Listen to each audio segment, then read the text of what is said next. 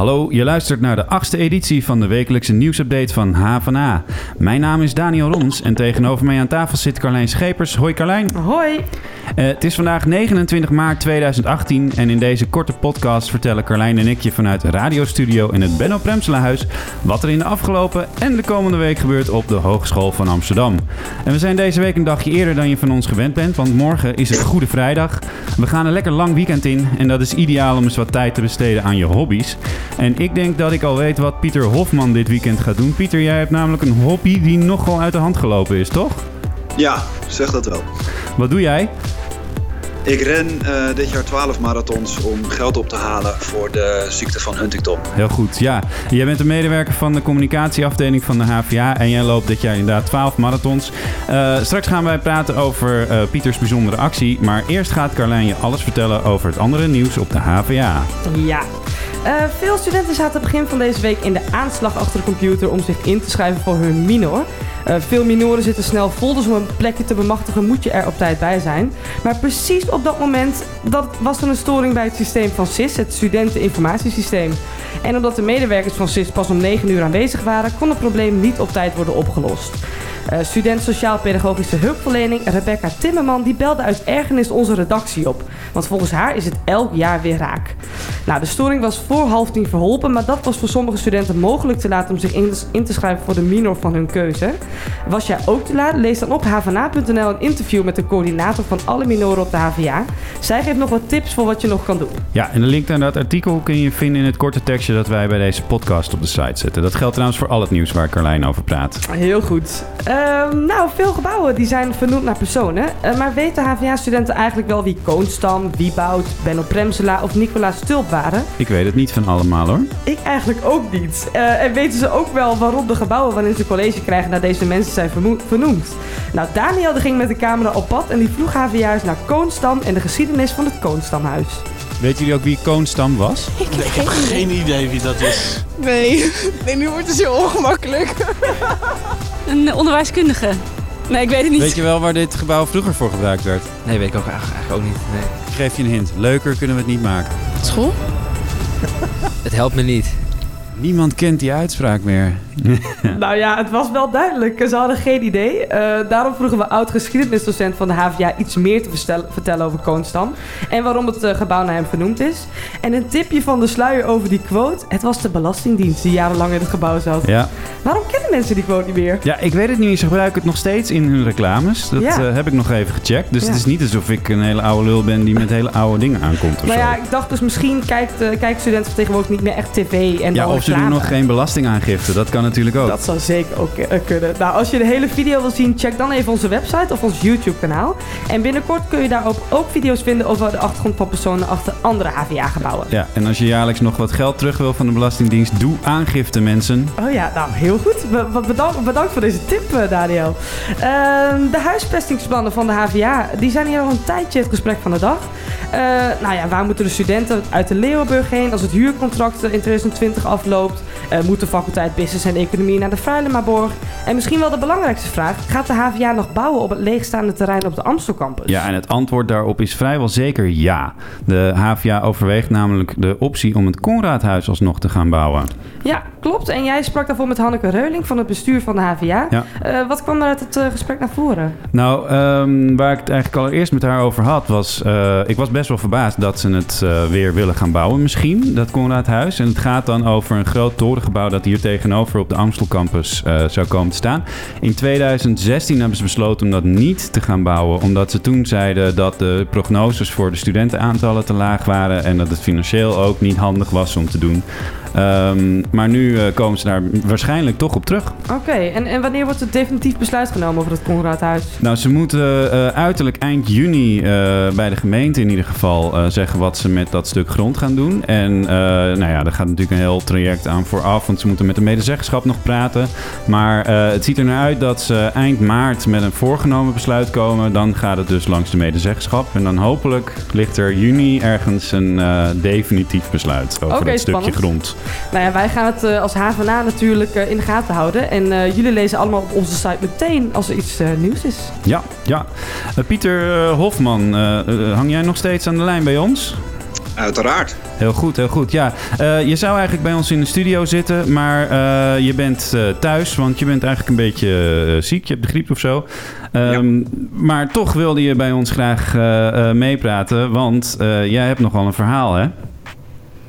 Ja, waar zal ik beginnen? Eh, bij die 12 marathons maar. Met mijn 12 marathons. Ja, ik, heb, eh, ik loop dit jaar 12 marathons om ehm, geld op te halen voor de bestrijding van de ziekte van Huntington. Eh, omdat eh, ja, meerdere familieleden van mij door die ziekte getroffen zijn. Dat is ook logisch, het is een erfelijke ziekte. En zodoende ga ik, eh, ja, ik heb de eerste drie inmiddels gehad. Heel goed, heel goed. Ja, en, en wat kun je iets meer vertellen over die ziekte van Huntington voor de mensen die dat niet weten? Eh, nou, het is een vrij onbekende ziekte. Eh, het is, om het kort samen te vatten, eh, dan heb je een idee. Heb je, ehm, het is een kruising tussen ALS, Parkinson en Alzheimer. Oké. Ehm, als een van je ouders het heeft, dan heb jij 50% kans om dat te krijgen. Dus los van het feit dat je dus met een, met een patiënt in je familie zit, ehm, betekent dat ook dat je vanaf het moment dat je dat weet, opgroeit met, het, eh, nou in ieder geval met de kans om eh, later ziek te worden. Dat, eh, ja, dat is een vrij angstige bedoeling, Ja. heb ik ervaren. Ja, en want ik wou je inderdaad gaan vragen, hoe, hoe was het voor jou om jarenlang te leven met het idee dat jij die ziekte ook zou kunnen krijgen? Eh, ja, behalve beangstigend, ik vond het ook heel deprimerend. Gewoon het idee van, eh, ik zet lekker mijn beste beentje voor. Ik doe mijn best gewoon om eh, de dingen te doen die ik leuk vind en, en daarmee verder te komen. En dat het dan uiteindelijk een ziekte waar je verder echt gewoon niet op kan anticiperen, dat dat jou overneemt. Ja. Maar op een gegeven moment heb jij je laten testen, eh, liet je weten in het verhaal. En Ja. toen kreeg je positief nieuws. Ehm, ja, En hoe voelde dat dan? Eh, op dat moment heel overweldigend. Eh, eigenlijk de meeste risicodragers, nou ten eerste ze laten zich eh, in meerderheid althans niet testen omdat ze het domweg te confronterend vinden. Ja. En er is natuurlijk ook, ja, je, moet, je hebt er niet altijd evenveel aan, dus je moet ook kunnen leven met een slechte uitslag. Ehm, in de zin, je kan het dus, kijk, je kan het laten testen. Ja. Maar dan weet je nog steeds niet hoe oud ben je als je ziek wordt. eh, hoe ziet je leven er dan uit? eh, Nee, hoe zal precies. het verloop van de ziekte zijn? Ja. Ehm, ja, bij mij was uiteindelijk... eh, wat voor mij de doorslag gaf was... ik wil geen kinderen op de wereld zetten... die datzelfde risico lopen als wat ik op dat moment nog liep. En Mhm. vandaar dat ik het eerst uitgezocht wilde hebben... voordat dat aan de orde kwam. Ja. Oké, en toen kreeg je dus het positieve nieuws. Maar in het verhaal zeg je ook dat het tegelijkertijd ook wel weer moeilijk was tegenover je familieleden. Ja, ja, nee, het is. ehm, het klinkt heel gek, maar er zijn zowel van mensen met de slechte uitslag als met de goede uitslag zijn er heel veel verhalen van, eh, van mensen die, eh, nou ja, goed, gewoon dapper door zijn gegaan en weer helemaal genoten van het leven, tot mensen die daar helemaal niet mee om konden gaan. Nee, nee. En jij En dat- koos er dus voor om 12 marathons te gaan lopen. Heftig.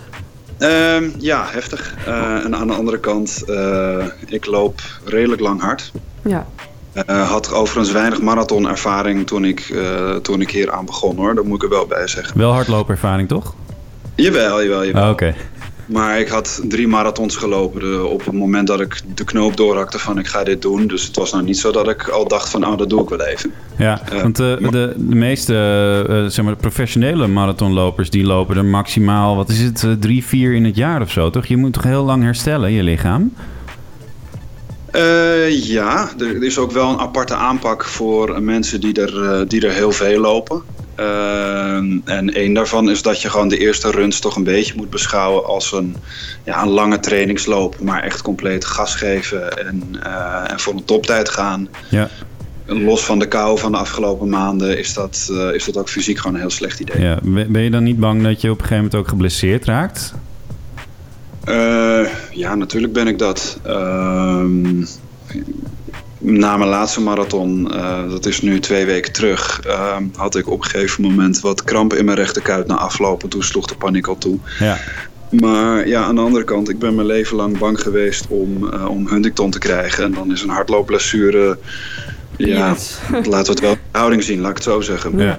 En, en, en het vergt nogal wat voorbereiding. Kun je daar iets over vertellen? Uh, ja, in een ideale week. Uh, dat hangt wel heel erg vanaf trouwens uh, in, in welke periode tot de volgende marathon ik zit. Um, ik heb nu bijvoorbeeld eind februari, half maart en begin april een marathon. Dus dan loop ik er uiteindelijk drie in zes weken. Ja, wow. Steeds heb je drie weken tussen die marathons zitten. Dus op dit moment is het gewoon de eerste week na de marathon doe ik eigenlijk niet zoveel. Deze week ben ik dan uh, aan het trainen, tenminste als ik weer beter ben. En ja, de laatste week voor een marathon, dan laat je ook alles gewoon, laat je je lichaam ook gewoon even bijkomen voordat je dan weer uh, gaat racen. Ja. Maar ja, na zo'n uh, piekperiode heb ik straks iets van zes of zeven weken tot de volgende marathon. En dan kun je je inspanningen wat meer spreiden. Gelukkig. Ja, precies. Dan heb je ook weer wat meer tijd om tussendoor op social media aandacht uh, te vragen voor je actie. Zeg, meer. Je, je, je doel is uh, om dus geld op te halen voor onderzoek naar die ziekte van Huntington. Um, wat zijn dan de vooruitzichten? Denk, denk je dat er zitten er doorbraken aan te komen of zo waar jij dan een zetje aan zou kunnen geven op deze manier? Ja, die zitten. Uh, zo. Um, ja, die doorbraken zitten er zeker aan te komen. Okay. Uh, zijn op dit moment uh, dus onder meer op muizen het nodige getest. Nou ja, muizen zijn natuurlijk nog geen mensen. Maar ja, stukje bij beetje uh, komt dat steeds verder. Uh, inmiddels alleen het probleem van kleine, als in de zin onbekende ziektes, is vaak gewoon dat er ja, niet heel veel mensen weten wat het is. En dan, dan geef je niet zoveel. Nee, en dat ook de grotere uh, farmaceutische bedrijven of de, de, de, de, de medische industrie daar misschien minder geld in investeert dan andere grotere ziektes. Ja, dat kan ik me op zich ook nog wel voorstellen. Ja. De overheid redeneert uiteindelijk net zo. Ja. Um, dat, is een, een, een, een uh, dat is één factor. Een andere belangrijke factor is dat. Uh, ja, kijk, ik praat redelijk open over mijn leven met Huntington. Mm. Maar ik praat helemaal niet zo makkelijk over mijn uh, familieleden. Nee. Absoluut zelfs. Dat is ook een reden dat, dat zwijgen is ook een reden dat uh, minder mensen ervan horen. Want ja, weet ja. je, dat, uh, daar, daar, praat je liever niet over. En nee. dan verspreidt de boodschap zich dus ook niet. Nee. Nou, gelukkig uh, heb jij een uitgebreid interview aan ons gegeven. Uh, wat op de site staat. Is nog steeds te lezen, staat bovenaan. En uh, dank ook dat je nog even met ons wilde praten via Skype. En, en wanneer is dat de volgende marathon op het programma? 8 april, Rotterdam. Oké. Okay. Nou, nou, alvast veel succes uh, met de voorbereiding. Ja, ook namens mij. Ja. En uh, nou, Daniel, kun jij dan uh, vertellen wat er de komende week op de HVA gaat gebeuren? Zeker. Het wordt rustig op de HVA de komende dagen, want we hebben een lekker lang paasweekend. maar we gaan ook richting het einde van het derde blok en dat betekent dat er weer tentamens aankomen. Um, maar als je even geen zin hebt om te leren of te werken aan je eindopdracht, dan kun je volgende week donderdag in het Koonstamhuis op de Amstel Campus naar een lezing over de rol van data bij sport. En donderdag gaan ze het hebben over het gebruik van apps om mensen uit de grote stad meer te laten bewegen. Nou, die heeft Pieter niet nodig, denk ik. Nee. Wil je daarover meer weten? Ga dan op donderdag 5 april om 7 uur s'avonds naar het Koonstamhuis. Nou, en volgende week is er natuurlijk weer een nieuwsupdate en gewoon weer op vrijdag. En check de, tussendoor onze website voor het laatste nieuws en verhalen over de HVA. Ja, en vergeet ons vooral niet te volgen op Soundcloud en iTunes voor deze podcast, maar ook op Instagram, Facebook, Twitter, LinkedIn en ons videokanaal op YouTube voor alle andere leuke en belangrijke items die we maken.